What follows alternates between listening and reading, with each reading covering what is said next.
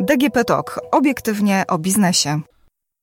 Są plany, że pod koniec roku wejdzie w życie ustawa o sygnalistach. Kogo będzie dotyczyć, co oznaczać może dla firm i kim tak naprawdę jest osoba, która jest sygnalistą. O tym porozmawiamy w najnowszym odcinku podcastu Obiektywnie o biznesie Moja Firma. Dzień dobry, Agnieszka Infor.pl. Gościem odcinka jest Wojciech Dudziński, audytor śledczy i autor książki Jak uniknąć ryzyka nadużyć i wizyty o 6 rano. Dzień dobry. Dzień dobry. Panie Wojciechu, czym jest ustawa o sygnalistach? Ustawy jeszcze nie ma, ona musi być wdrożona zgodnie z dyrektywą Unii Europejskiej do 17 grudnia tego roku, więc czasu już jest mało. Prace intensywne nad tą ustawą trwają. No i ona oczywiście ta ustawa musi się odnosić do, do tej dyrektywy, stąd jakby wiadomo, co będzie w tej ustawie. W związku z powyższym można powiedzieć, że ta ustawa, czy celem tej ustawy, no i celem też dyrektywy Unii Europejskiej, która musi być wdrożona we wszystkich krajach Unii, E, jest ochrona sygnalistów, czyli osób zgłaszających e, nadużycia. O, mogą być nadużycia finansowe, nadużycia związane z ochroną środowiska e, i tak dalej. Na czym ma polegać ta ochrona? No, ochrona ma polegać na tym, że po pierwsze firmy, z tym, że w Polsce najpierw firmy zatrudniające powyżej 250 osób, a po dwóch latach zatrudniające powyżej 50 osób oraz też jednostki samorządu administracyjnego muszą wdrożyć bezpieczne kanały zgłoszeniowe, czyli takie kanały, gdzie mm, ta osoba nie będzie się bała zgłaszać e, nadużycia. W praktyce e, i zgodnie z, no, z doświadczeniem, tak naprawdę chodzi o anonimowe kanały zgłoszeniowe, tak? No bo wtedy rzeczywiście ten zgłaszający nie będzie się obawiał jakiegoś odwetu. Druga sprawa to jest ochrona prawna takiego sygnalisty, to znaczy to, że jeżeli by informacja o tym sygnaliście jednak no, była dostępna dla osób z firmy, to takiego sygnalisty mm, no, nie, można, nie można zwolnić. Znaczy, jeżeli się go zwolni, on będzie mógł wystąpić o, mm, o duże odszkodowanie. Te przepisy, no ja bym powiedział, że te, to, to są dosyć rewolucyjne przepisy. Dlaczego one są rewolucyjne? Dlatego, że Dotychczas było tak, że jak, ponieważ ja mam 20 lat doświadczenia w wykrywaniu i przeciwdziałaniu nadużyciom gospodarczym, mm, dotychczas było tak, że jak przychodzi jakiś anonim, powiedzmy do zarządu, czy, czy do jakiejś tam osoby, to bardzo często jakby zarząd, czy też e, osoba odpowiedzialna za kontrolę, jakby nie wiedzieli, co z tym zrobić. No i najczęściej to gdzieś lądowało w koszu, nikt się tym nie przejmował. Teraz tak nie będzie, tak? Dlatego, że jeżeli, że jeżeli e, zgłoszenie zostanie właśnie zgłoszone, to też zgodnie z dyrektywą w ciągu siedmiu dni firma musi, czy jednostka samorządu musi potwierdzić temu zgłaszającemu, że przyjęła to zgłoszenie, czyli innymi słowy to zgłoszenie musi zostać zarejestrowane, a następnie w ciągu trzech miesięcy musi takie zgłoszenie wyjaśnić i również w ciągu trzech miesięcy poinformować tegoż yy, zgłaszającego, czyli sygnalistę, whistleblowera można powiedzieć po angielsku, o wynikach tego postępowania wyjaśniającego. W związku z tym nie będzie można już, powiedzmy, wyrzucić takiego anonimu, no, trzeba będzie go jakoś wyjaśnić. No i tutaj pojawia się szereg problemów i technicznych, czyli jak zbudować taki kanał, który będzie bezpieczny dla zgłaszających oraz problemów w kwestii wyjaśniania tych zgłoszeń. I tu bym akurat podkreślił wagę tej kwestii, mm, bo o ile rozwiązania techniczne no, są dostępne, e, moja, też, moja firma też ma takie rozwiązanie, to jakby wyjaśnianie zgłoszeń to już jest, to już jest dosyć problematyczna kwestia, bo często te zgłoszenia, wie pani, te anonimy są nie do końca konkretne nie do końca wiadomo, co z tym można zrobić. I trzeba mieć naprawdę bardzo dużą wiedzę, żeby wiedzieć, w jaki sposób takie zgłoszenie można wyjaśnić, czy w ogóle go można wyjaśnić, jakich narzędzi użyć, czy to ma sens ręce i nogi, bo wie pani, są też takie zgłoszenia, że można by wyjaśniać, a z góry, jeżeli ktoś ma doświadczenie, z góry wie, że to jakby jest fałszywe zgłoszenie, bo tu musimy odróżnić pomiędzy sygnalistą, czyli osobą, która w dobrej wierze zgłasza e, nadużycie, kieruje się dobrem firmy, dobrem pracowników, dobrem ludzi, a e, zwykłym donosem, czyli czymś bardzo pejoratywnym. Donos, który ma zaszkodzić komuś. Ja tak za zastanawiam się w tym momencie, kto może takim sygnalistą zostać. Czy to są osoby, które będą wyłonione w ramach danej firmy, czy to będą osoby zatrudnione całkowicie z zewnątrz? Sygnalistą może być oczywiście pracownik, członek zarządu, czy, ale też e, firma czy osoby współpracujące z daną firmą, tak? Więc podwykonawcy. Więc zakres tych sygnalistów jest e, bardzo szeroki. No, każdy, kto ma związek z tą firmą, de facto może takie zgłoszenie, dokonać takiego zgłoszenia. Czy Pana zdaniem to jest dobra zmiana, jeżeli chodzi o polskie firmy? Trzeba powiedzieć jedną rzecz, że to jest w jakimś sensie standard. To nie, nie bez kozery, no nie my to sami jakby wprowadzamy, tylko to jest w wyniku decyzji Unii Europejskiej.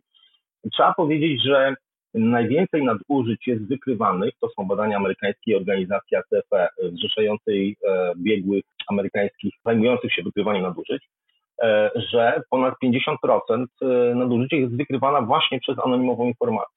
No i teraz ja to czytam w prosty sposób, jakby Unia chce e, zabezpieczyć pieniądze, które są e, przekazywane krajom, tak, tak jak my mamy ten fundusz e, pomocowy. To są olbrzymie pieniądze i no, jedną z metod chronienia i kontroli, no, jedną z bardziej skutecznych metod, jak wskazują badania, jest właśnie, są właśnie anonimowe informacje i wprowadzenie takiego systemu, żeby trzeba było je rejestrować i trzeba było je wyjaśniać. I to nie jest jakieś coś, że tak powiem, mm, odstającego od y, praktyki, bo w Stanach Zjednoczonych takie przepisy są. Mało tego, trzeba powiedzieć, że no, Ameryka ma bardzo e, daleko posunięte przepisy antykorupcyjne i e, związane z nadużyciami, bowiem tam są na przykład takie przepisy i one zostały wprowadzone już dawno temu, bo zdaje się w latach 70., że jeżeli jakakolwiek amerykańska korporacja lub też e, korporacja, która jest na giełdzie amerykańskiej, wręczy łapówkę, ale nie w Stanach, tylko gdziekolwiek na świecie, to płaci ogromne odszkodowania skarbowi Stanów Zjednoczonych. A w Polsce, a w Polsce nie ma nawet takich przepisów, gdzie firma, która daje łapówki, odpowiadałaby własnym majątkiem, tylko odpowiada po prostu ta osoba karnie, która te łapówki wręczała. Więc dochodziło już do takich paranoicznych, bym powiedział, czy kuriozalnych sytuacji, że duża amerykańska korporacja wręczała łapówki w Polsce, płaciła odszkodowania w Stanach Zjednoczonych, a w Polsce nie. Więc ja myślę, że to w tym kierunku cały świat jakby cywilizowany idzie, żeby no, y, bardziej skutecznie zwalczać y, korupcję i nadużycia. Oczywiście dodam, dodam, że oczywiście w Polsce jest to dosyć, kontrowersyjne i to wynika moim zdaniem z naszej historii. Ja myślę, że w krajach anglojęzycznych to nie jest kontrowersyjne. Whistleblower jest, y, to nie, nie ma tam jakiegoś bardzo operatywnego dźwięku, tak? E, to jest raczej osoba pozytywna, która, która dba o dobro firmy, tam wspólne dobro powiedzmy. Natomiast w Polsce no, jest to słowo donosiciel, tak? No i ono się oczywiście wszystkim źle kojarzy. A które firmy w takim razie będą miały mm, obowiązek mm, zatrudnienia i. Sygnalistów się nie zatrudnia, to są, to są po prostu pracownicy, tak? Każdy pracownik może być sygnalistą. Tak, ale chodzi mi bardziej o to, czy firma będzie miała obowiązek posiadania e, takiej osoby, które dokładnie branże. Mm, ograniczenie jest e, w ilości zatrudnienia. To znaczy na pierwszy ogień idą większe firmy, to znaczy zatrudniające powyżej 250 osób oraz jednostki samorządu. Po dwóch latach e, ma zostać wprowadzona ustawa, która zmniejszy ten limit do 50 osób zatrudnionych w firmie. Czy taka osoba, czy sygnalista będzie mógł liczyć na dodatkowe wynagrodzenie, czy kwestia nie, nie, to jakby ustawa oczywiście tego nie, czy nie ma nic w dyrektywie na ten temat, natomiast to nie jest praktykowane.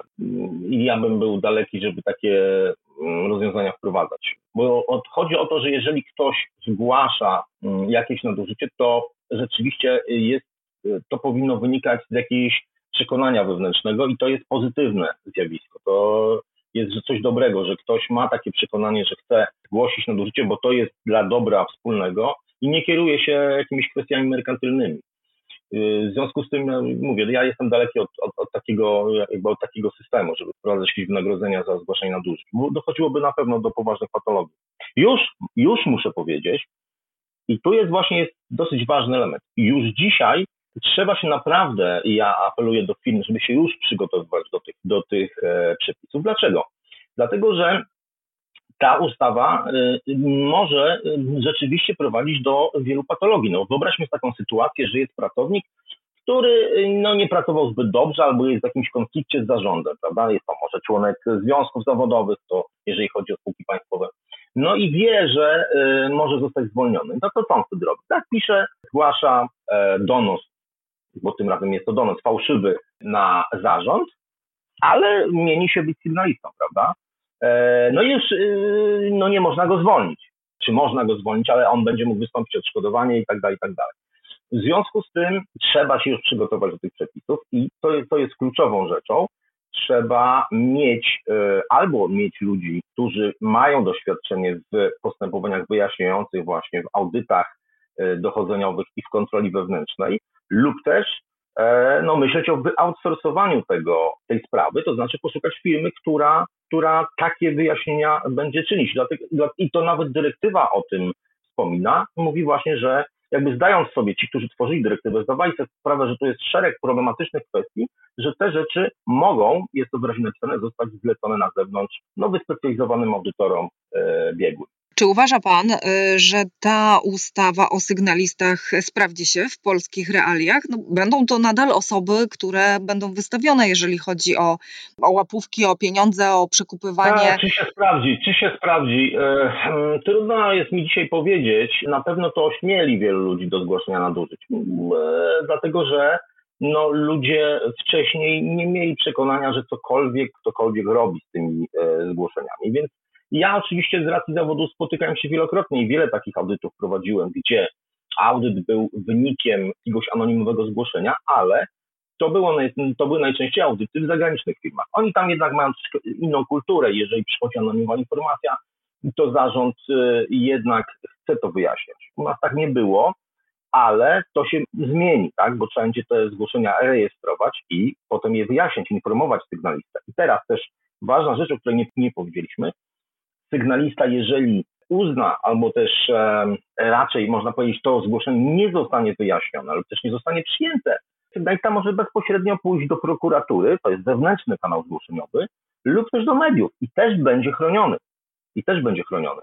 W związku z tym rzeczywiście, e, bo ja, ja wiem, że wielu, wiele zarządów boi się tych rozwiązań. To znaczy oni się, zarządy się boją, że to będzie metoda właśnie do zgłaszania się pani donosów na nich ale ja bym y, raczej im powiedział, y, zarządom, żeby się nie bali właśnie tych rozwiązań, tylko wręcz umożliwili jak najbardziej bezpieczne zgłaszanie tych e, nadużyć, dlatego że w jakimś sensie, e, w jakimś sensie ten zgłaszający najpierw e, będzie musiał zgłosić, czy raczej zgłosi to nadużycie wewnętrznie, i to nam da czas do wyjaśnienia tego i stwierdzenia, czy to jest prawda, czy to jest fałsz. Czyli zarząd będzie miał czas w razie czego, jeżeli takie donosy będą fałszywe, na wyjaśnienie tego, tak? I jeżeli potem sygnalista pójdzie do prokuratury czy, czy na, do mediów, to już nie będzie sygnalistą działającym w dobrej wierze, tak? No bo, bo sprawa została wyjaśniona, nie jest prawdziwa, tak? Więc ja bym raczej proponował zarządom, żeby wprowadzić takie rozwiązania, które będą naprawdę bezpieczne dla zgłaszających i będą zachęcały właśnie do zgłaszania najpierw wewnętrznie tych e, nadużyć, a nie e, od razu do mediów czy, czy do prokuratury. Ale podkreślał Pan też e, wcześniej, żeby firmy już przygotowywały się do, do tych działań. Co, co w pierwszym kroku należy zrobić? Co powinien no, zrobić? Pierwsza rzecz to jest oczywiście tworzenie bezpiecznego kanału zgłoszeniowego.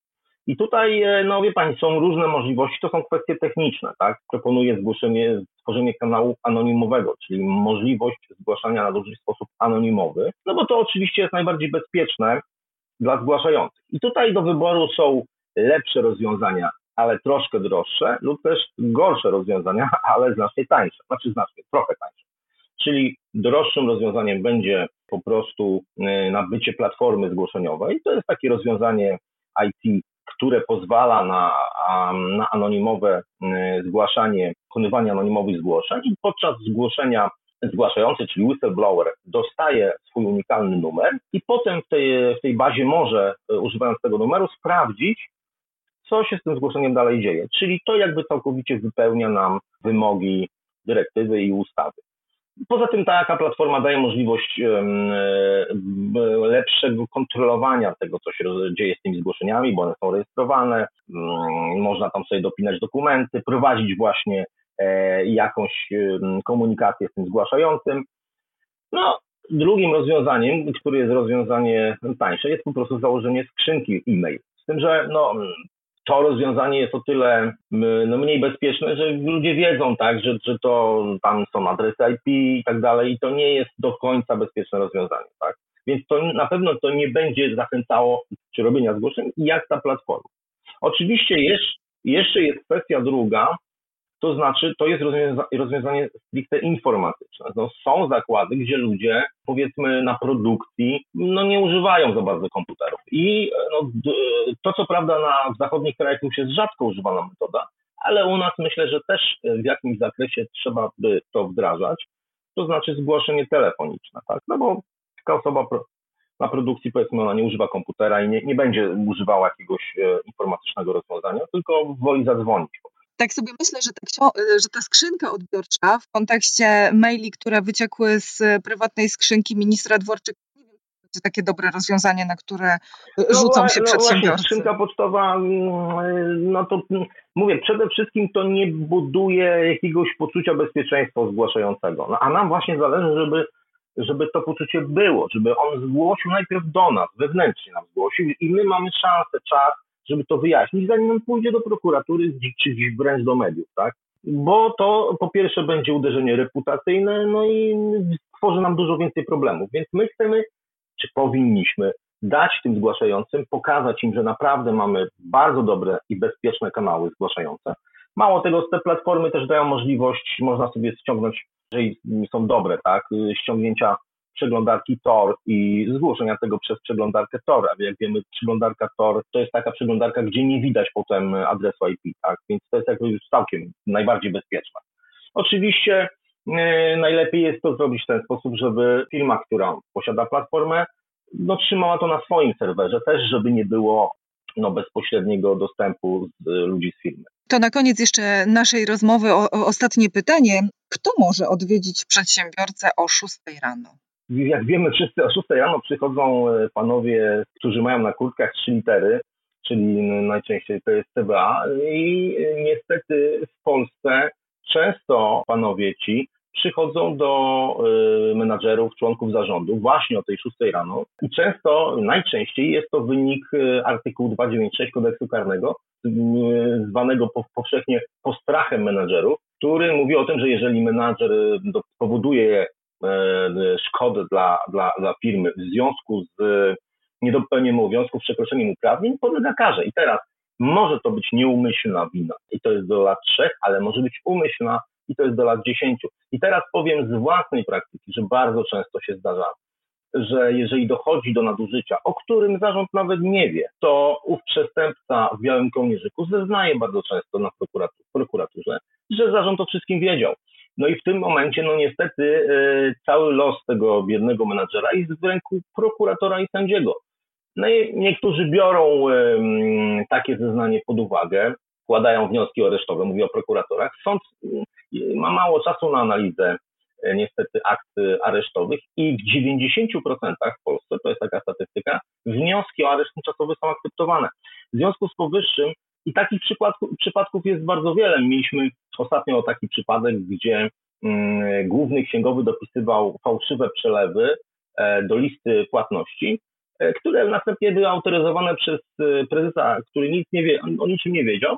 I potem te pieniądze szły na konto nieuczciwego głównego księgowego. Ci zrobili audyt, ta sprawa wyszła na jaw, ale w prokuraturze już ten nieuczciwy główny księgowy powiedział, że tak, przyznaje się on rzeczywiście dopuścił się nadużyć, ale te nadużycia były możliwe w związku właśnie z niedopełnieniem obowiązków przez zarząd, bo zarząd nie weryfikował przelewów z wcześniej, z wcześniej zaakceptowanymi fakturami. Więc wie Pani, no, e, jest mnóstwo takich rzeczy, na które trzeba e, zwrócić uwagę, e, bo inaczej można wejść na przysłowiową minę. To znaczy ja często mówię, że w Polsce menadżer jest jak saper, to znaczy bez wiedzy o nadużyciach jest jak saper bez, bez wykrywacza metali. Wcześniej czy później wejdzie na tą przysłowiową minę. I dlatego właśnie, ponieważ, e, wie Pani, no, ludzie się uczą na studiach, jak zarządzać, uczą się o finansach, uczą się o języku, wielu rzeczy się uczą podczas studiów, sam studiowałem w Szkole Głównej Handlowej, ale nie ma przedmiotów, nie ma właśnie przedmiotów dotyczących, jak wykrywać i przeciwdziałać nadużyciom, co z punktu widzenia bezpieczeństwa tych zarządów jest dzisiaj kluczowym, kluczową sprawą. W związku z powyższym, ja wspólnie z grupą znanych mecenasów stworzyliśmy taki pierwszy popularny poradnik, właśnie na co zwrócić uwagę. Tam jest 65 bardzo praktycznych porad, na co zwrócić uwagę, na co patrzeć, jak się zachowywać, żeby właśnie uniknąć tego ryzyka, żeby y, zorientować się, że jest jakieś nadużycie, bo koniec końców odpowiedzialność zawsze jest po stronie zarządu. I jest też 47 tak zwanych case study, czyli prawdziwych przykładów z życia, gdzie można sobie po prostu zobaczyć i nauczyć się na tych błędach, tych nieszczęsnych, nieszczęśników, że tak powiem. Tak. Panie Wojciechu, dziękuję serdecznie za rozmowę. Gościem odcinka podcastu Obiektywnie o biznesie Moja firma był Wojciech Dudziński, audytor śledczy i autor książki Jak uniknąć ryzyka nadużyć i wizyty o 6 rano. Dziękuję, do widzenia. Dzięki, do usłyszenia.